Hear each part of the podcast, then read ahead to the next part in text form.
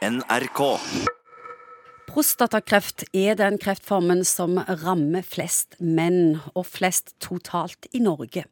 Om lag 5000 fikk diagnosen i 2014, og én av åtte vil få påvist prostatakreft i løpet av livet sitt. Og nå viser det seg at mange òg sliter etter prostataoperasjon. Og noen i ekspertisen mener at 70% ikke hadde trengt operasjon i utgangspunktet. Så doktor Morten Munkvik, hvor skal vi begynne i alt det vonde? Med de nitriste ettervirkningene av operasjon, eller hvorfor så altfor mange menn blir operert uten å trenge det?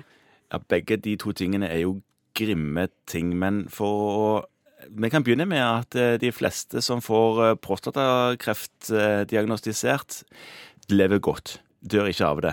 De dør med det. Nettopp. De Det dør. hører vi hele tida. Ja, det stemmer. Men så mister de ereksjon. Ja, mange kan gjøre det. 80 mister ereksjonen to-tre år etter behandling. Det er alvorlig. Det er klart det er alvorlig. Og dette her handler om at man behandler langt flere enn man trenger. Det handler om at man har en dårlig rutine på hvem som skal inn i eh, kirurgi, og hvem det holder å vente og se på. Dette vet man om, og man jobber hele veien med å finne bedre rutiner på hvordan man skal Finne ut hvem som skal ja, opereres ikke. hvem, hvem skal, og hvem skal ikke til kirurgi.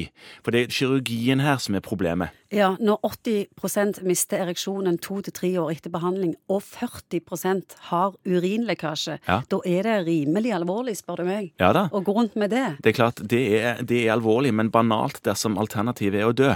En annen ting er det at eh, en del av disse her opererer vi jo helt fullstendig unødig fordi at de har en så sentvoksende kreft at de har ikke tid til å dø av den med mindre de blir 250 år. ikke sant? Så det er ingen vits i å gjøre ting.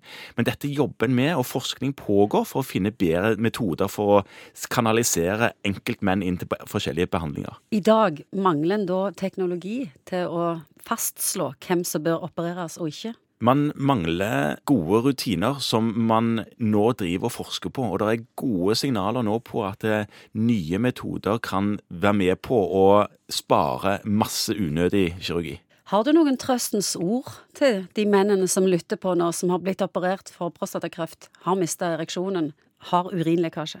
Ja, der, alle de tinga der er jo dramatiske for de fleste menn, og det er ikke alltid det går an å gjøre så mye med noen av de. Og ereksjonsproblemene pleier å gå over etter to-tre år. Ja, At de får ereksjon tilbake igjen. Ja, en del, en del får det tilbake igjen. Og du vet, noen får ereksjonsproblemer etter denne vevsprøven som en del tar. Og da skyter en inn og tar sylindervevsprøver av eh, prostatakjertelen på ti forskjellige steder hvis en har fått mistanke om at det er en kreft. Og da kan en komme til å skade nerver som ligger rundt kjertelen. Så bare en sånn vevsprøve kan gjøre at en del får ereksjonsproblemer.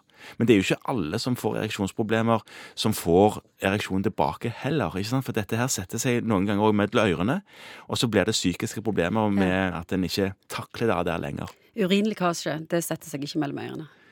Nei, det setter seg mellom beina. Eh, da eh, har du heldigvis muligheten til å trene og jobbe litt grann, og se om du klarer å trene opp bekkenbunnsmuskulaturen din.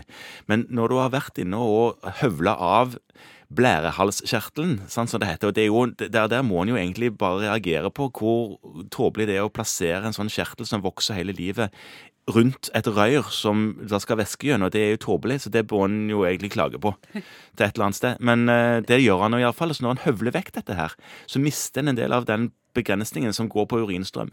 Og da, da er det ikke så mye man kan trene opp, egentlig. Så da må man bare bruke innlegg og sånne ting i trusen. Blir det færre operasjoner fra prostata i framtida? Det kommer garantert til å bli færre operasjoner, og de som opereres skal i større grad ha behov for operasjon